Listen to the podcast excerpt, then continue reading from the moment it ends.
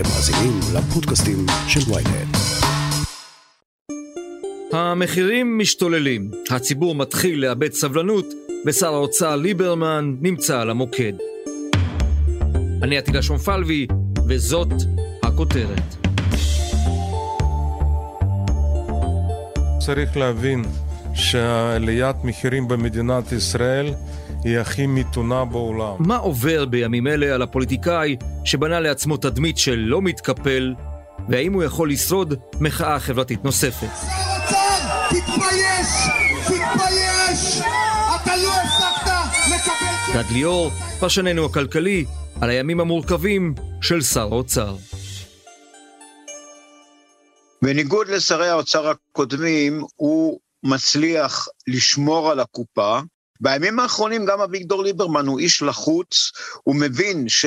עלול להיווצר מצב שמה שקרה פה בקיץ 2011 יחזור. אם ימשיכו ההתייקרויות, מאות אלפים יצאו לרחובות. זה הדבר האחרון שממשלת, שמכנה את עצמה ממשלת השינוי, רוצה לראות, ולכן ליברמן עצמו פועל בימים האחרונים, הוא מדבר עם, עם אנשי ציבור, הוא מדבר עם העצמאים, הוא מדבר עם עיתונאים, הוא מנסה לראות איך הוא מצליח לשרוד בלי להיפגע אישית ובלי לפגוע בכלכלה. הכלכלה את התקופה הקשה הזאת.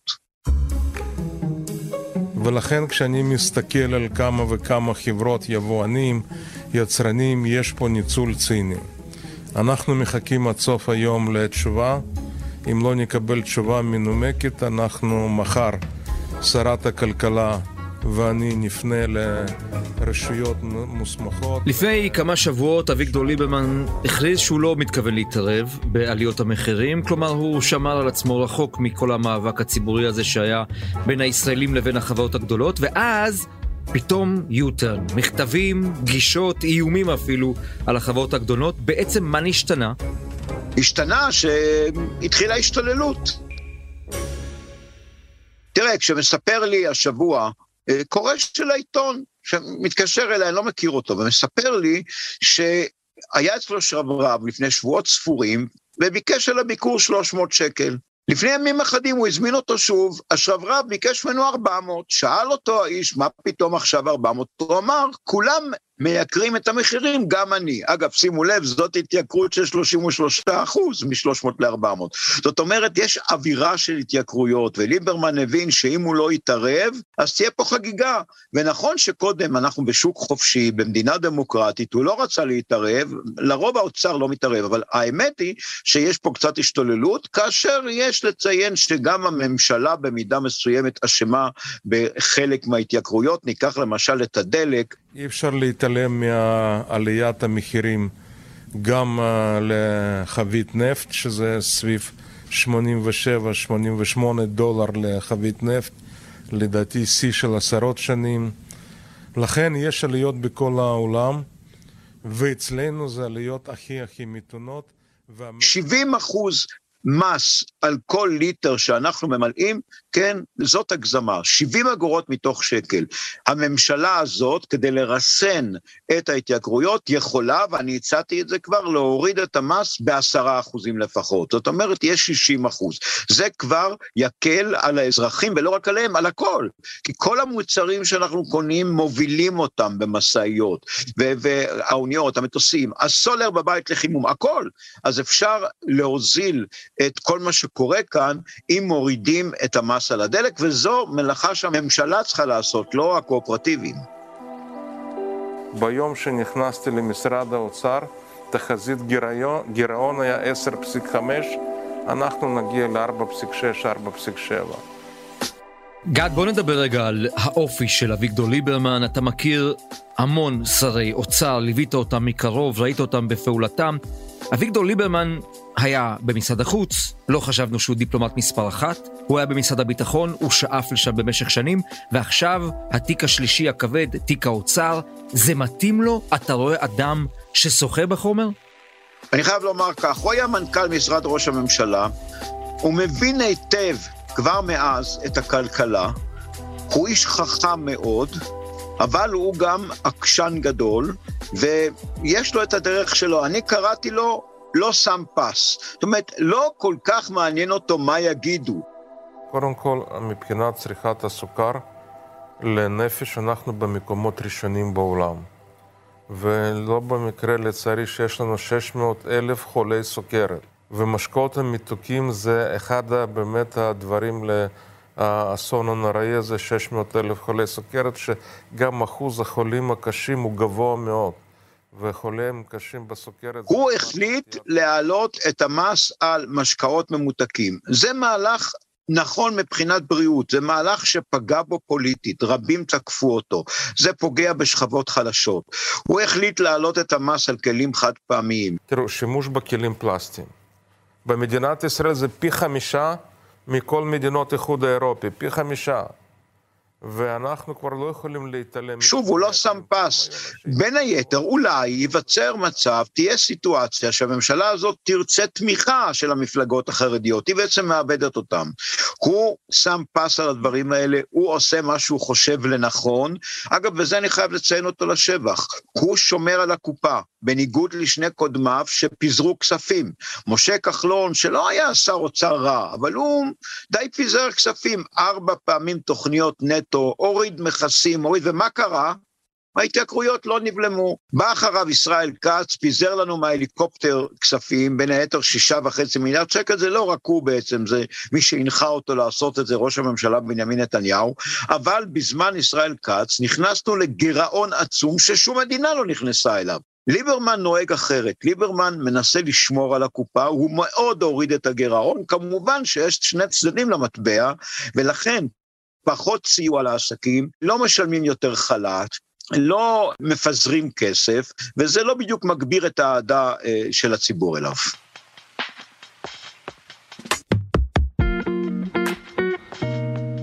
זה למעשה אה, תוכנית הצלה לאומית לכלכלת ישראל.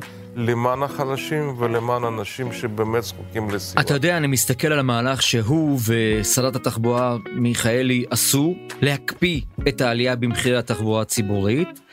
הייתי אומר, זה צעד של התקפלות, אפילו לחץ אל מול המאבק הציבורי נגד עליית המחירים. ליברמן, שאתה הגדרת אותו קודם, לא רואה ממטר, הוא לא רואה אף אחד ממטר. יכול להיות שיש ליברמן חדש? אה, לא, אין ליברמן חדש. הוא הבין שיום אחרי שהוא שולח מכתבים לשמונה הקבוצות הגדולות במשק בתחום המזון, תפסיקו להעלות מחירים, תחזרו בכם, הוא מעלה את המחיר הכי פוגע בשכבות החלשות, הכי פוגע את תחבורה ציבורית לייקר ב-8.7 אחוזים, אגב זה יהיה אפילו עשרה כי מחיר הנפט ממשיך לעלות עד שיבצעו את העיקור לדעתי באפריל או מאי, יעלו בעשרה אחוזים. אי אפשר למנוע את זה משום שמצד שני הגירעון של המדינה יגדל, הרי לא יסבסדו עכשיו עוד את התחבורה הציבורית. מצד שני הוא הבין שהעיתוי הוא רע מאוד. אחד הדברים החשובים בכלכלה וגם בפוליטיקה, כולנו יודעים, זה העיתוי. מתי אומרים דברים, מתי עושים דברים. כשאתה דוחה מה משהו, כל מיני מקים ועדה, מקים צוות, אנחנו אפילו רואים את זה בעניינים פליליים, שכל הציבור כועס על משהו, ואז כעבור חודשים אחדים מתחילים לטפל, ופתאום המשטרה מתקפלת ומשחררים את החשודים. אותו דבר פה, בעוד שלושה ארבעה חודשים אולי אפשר יהיה להעלות את המחירים. אז פה אין כל כך ליברמן אחר מאשר ליברמן שנבהל מעצמו, זאת אומרת נבהל מהמצב שאוי ואבוי, עכשיו אני צריך להעלות מחירים. ברור שמרב מיכאלי תומכת בזה, היא נגד העלאות מחירים. מחירים. עכשיו, העלאת מחירים של תחבורה ציבורית היא תחילת העלאה של מחירים נוספים, זה יהיה מחירי מוניות, זה אגב, אי אפשר יהיה להגיד למי שעוסקים בהובלות אל תעלו את המחירים, משום שהנה גם אנחנו, הממשלה מעלה, זאת אומרת, דוגמה לא טובה, לכן הם חזרו בהם, ואני מאמין שההעלאה הזאת תהיה לא לפני פסח, אחרי פסח. מיד נמשיך עם הכותרת, אבל לפני כן יש לנו משהו לספר לכם. שלום, אני עופר שלח. במדינה בה יש פודקאסט לכל אזרח ואייפון לכל ילד, מישהו צריך לדבר על מה שחשוב לנו, האזרחים. אנחנו בכל פרק נשוחח עם דמות בחירה אחרת על סדר היום העתידי של מדינת ישראל, שזו דרך יפה להגיד שנדבר על כל מה שחשוב שהפוליטיקה תעשה בשבילנו, והיא לא תמיד עושה. אז תעקבו אחרי האמת היא בוויינט, ספוטיפיי או באפליקציית הפודקאסטים שלכם. תבואו, יהיה מעניין. האמת היא, עם עופר שלח. עם עופר שלח.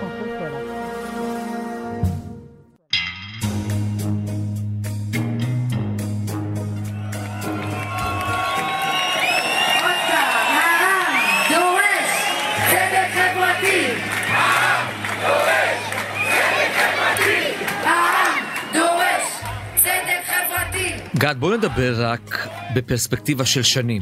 לפני כ-11 שנים, עוד מעט, פרצה כאן מחאה חברתית גדולה מאוד שטלטלה את המדינה, אבל היא לא זעזעה את הפוליטיקאים. כלומר, אותה ממשלה של נתניהו לא התפרקה ולא קרה שום דבר. בסופו של דבר ראינו שלטון של 12 שנים של נתניהו למרות המחאה החברתית ולמרות עליית המחירים ולמרות שמחירי הדיור הכפילו את עצמם ואף יותר בחלק מהמקרים. האם לדעתך אביגדור ליברמן מביט בפרספקטיבה היסטורית ואומר לעצמו, כשאני מזהה מחאה חברתית אני צריך לשפוך עליה מים כדי לכבות אותה כשהיא קטנה. סוף הדברים שאמרת, אני מסכים איתו לחלוטין. את ההתחלה לא כל כך. אני זוכר את בנימין נתניהו מאוד לחוץ. אני אגיד לך מתי הוא היה קודם לחוץ. כשהגברת ויקי קנפו התחילה לעשות את הצעדה שלה ממצפה רמון, הוא הציע את רכב השרד שלו כדי להביא אותה אליו למשרד, למרות שהוא לא הכיר אותה, כי הוא הבין שצעדה כזו תזיק לו. כנ"ל כשהוא ראה את ההמונים ברחובות ברוטשילד, הוא מינה מעט ומיד ועדה, לא נשכח, את ועדת טרכטנברג, היא הגישה המלצות, אמנם לא כולן קוימו חלק, אבל בסופו של דבר, בגלל המהלך המהיר שהוא עשה, ובגלל שהוא קיים חלק מההמלצות, כמו שאתה אמרת בצדק, הנזק הפוליטי בסוף לא היה גדול. אבל בהתחלה הוא בהחלט חשש, כשיש 400 אלף איש ברחובות תל אביב שמפגינים וצועקים צדק חברתי וצועקים להתפטרות של ראש ממשלה, זה בהחלט הבהיל אותו. עכשיו, אם פונים לליברמן, כן, הוא מפחד שזה מה שיקרה. הוא מאוד חושש, הממשלה הזאת פחות חזקה מממשלות נתניהו, מורכבת משמונה מפלגות, יש לה רוב קטן מאוד בכנסת, והיא עלולה ליפול ממחאה כזאת. לכן, בין היתר, הוא חזר בו מענייני תחבורה ציבורית, לכן הוא שולח מכתבים, ולכן הוא מבקש לחקור אם היה תיאום מחירים, ואני אומר לכם שהחשד הוא שהיה תיאום מחירים.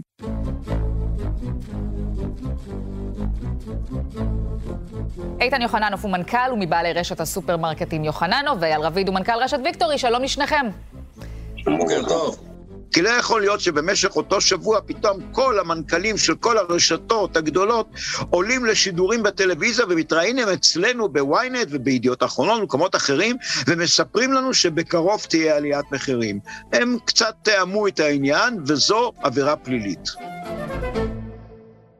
אנחנו מסתכלים באופן טבעי לעבר הממשלה ומצפים ממנה לשלוט על המחירים. אבל לא פעם ולא פעמיים שמענו גם את ליברמן וגם שרים אחרים בעבר וגם בהווה אומרים לא הכל בשליטתנו.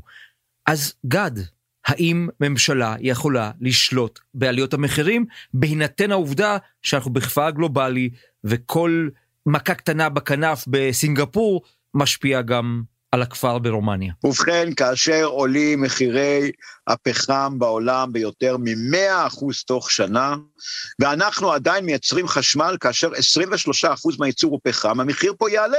אנחנו לא יכולים לעשות שום דבר, אנחנו אי קטן, אנחנו תשעה מיליון, יש שבעה וחצי מיליארד בני אדם בעולם, המון מדינות גדולות, תעשיות, אנחנו קטנים. כנ"ל מחיר הנפט, כוכבית נפט עולה בין אוקטובר לבין דצמבר בשיעור ניכר של 15 אחוזים ועד עכשיו כבר 20 אחוזים, אז אי אפשר למכור פה דלק יותר בזול, אפשר להוריד את המס, אבל אנחנו לא יכולים לכוון את מחירי הדלק בעולם, וכך הלאה. אנחנו לא יצרנו את הפקקים בעולם בנמלים. נכון, יש פקק גם בארץ, נכון, יש גם שם בעיה, אבל בעולם, הובלת המטענים, יש בה בעיה קשה, מחירים עולים בגלל זה. יש אנשים שהזמינו מכונית באוקטובר, אמרו להם, אולי באפריל תקבלו. זאת אומרת, יש פה בעיה כלל עולמית שנגרמה בעיקרה בגלל הקורונה, אבל מעוד כל מיני סיבות כלכליות, וישראל לא יכולה לעשות שום דבר, היא אי קטן. ועדיין, אפשר להשפיע אולי על ידי הורדת מכסים או מיסים. אפשר לעשות את זה, נכון? בכל זאת הגירעון קטן ממה שהיה בשנה שעברה, אז אפשר קצת להשתחרר. אפשר, אבל מצד שני יש לנו קופת מדינה שצריכה ליהנות מההכנסות של המיסים. כאשר אנחנו מוציאים למעלה מ-400 מיליארד שקל בשנה, כולל החזר חובות, והשנה האחרונה יותר מ-600 מיליארד, כי יש 200 מיליארד בהמצאה הישראלית שקוראים לה קופסאות, מאיזשהו מקום צריך להביא את הכסף הזה, לא רק מהלוואות, כי אחרת הדור הבא והדורות הבאים יתבעו, גם אנחנו כבר, נתבע פה בהחזר חובות. אנשים פה יצטרכו לחצי משכורת שלהם להחזיר חוב, כי המדינה צריכה להחזיר, יעלו להם את המיסים. אז כרגע, להוריד מיסים זה לא כל כך בא בחשבון. תאר לך שמורידים כדי להקל על הציבור, באחוז אחד את שיעור המע"מ. זה אומר שישה וחצי מיליארד שקל פחות הכנסה למדינה ממיסים בשנה אחת. ואם זה יימשך כך, נגיד חמש שנים, זה סכומים עצומים, 32 וחצי מיליארד שקל אובדן, כי נוריד באחוז אחד את המע"מ. עכשיו, אחוז אחד לא עושה הרבה. כי אם שקית במבה, אני סתם אומר, עולה 7-8 שקלים, מה זה אחוז אחד? 7 אגורות? אז הרבה לאזרח זה לא יעשה. לעומת זאת, המדינה הולכת להפסיד הרבה כסף. ולהוריד מס הכנסה זה צעד לא רע, לעודד את העבודה, אבל אני רוצה לומר פה משהו מפתיע אולי. בסך הכל שיעורי מס הכנסה בישראל הם לא מהגבוהים בעולם. ושיעור המע"מ אצלנו נמוך יותר. בגרמניה הוא 19 אחוזים, בסקנדינביה יש מדינות עם יותר מ-20 אחוזים, יש מדינות שזה מגיע ל-25 אחוזים, כך שלהוריד עכשיו מיסים זה לא יכול להיות הפתרון, כי אנחנו צריכים להוריד את הגירעון של המדינה. אפשר, אמרתי, במוצר מסוים, הדלק, לשקול את זה, למרות שזה הרבה כסף, כי המדינה גם כך כבר מפסידה לא מעט כסף מעניין אחר לחלוטין, אנשים עוברים למכוניות על חשמל ומפסיקים לתדלק, והמדינה... המדינה הולכת להפסיד פה הרבה כסף מהמהלך הזה, מחפשת פתרון שכנראה יהיה שאם גד או אטילה נוסעים יותר מאשר משה ואהרון, אז הם ישלמו יותר, הם ישלמו מס נסועה. גברת או אדון שנוסעים רק לסופר פעמיים בשבוע, ישלמו פחות כסף מפקיד ממשלה שכל יום נוסע מתל אביב לירושלים הלוך ושוב.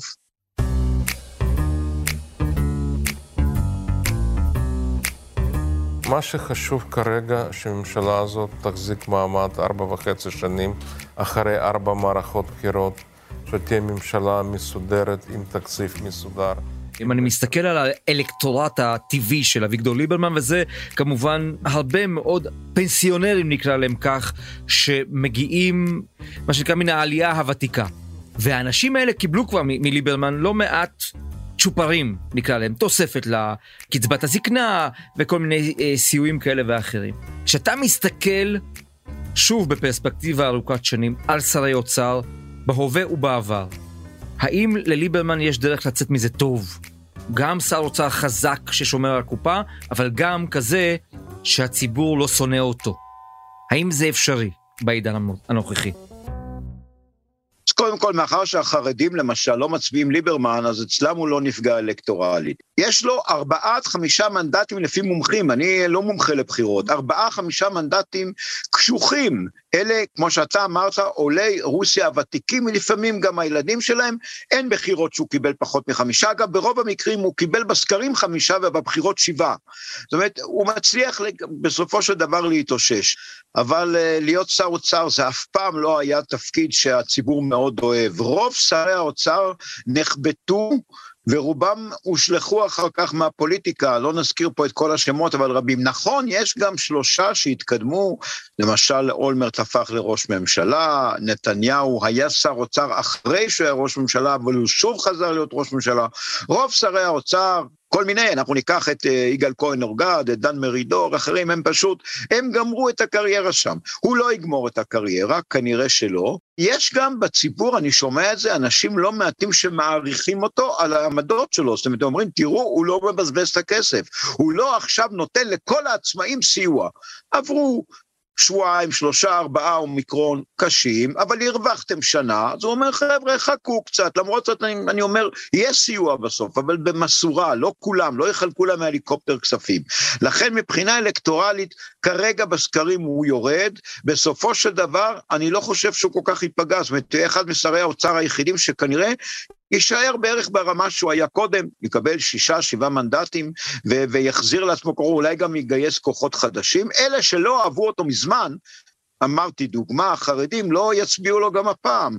אני חושב שהנזק מכל מה שהוא עושה עכשיו, אולי אפילו יהיה קטן מהתועלת. יש שר אוצר, איך אומרים, יש שופטים בירושלים, אני חושב שיש שר אוצר בירושלים, הוא מבין את המטריה, הוא עושה דברים, הוא גם אמרתי, קצת לפעמים לא שם פס וקצת מזלזל, מדבר לפעמים לא יפה, שולח את מורי הדרך, גם בני 60, לחפש להם מקצוע אחר, אבל בסך הכל אני חושב שמבחינה אלקטורלית הוא לא נפגע קשה מדי מהתפקיד הזה.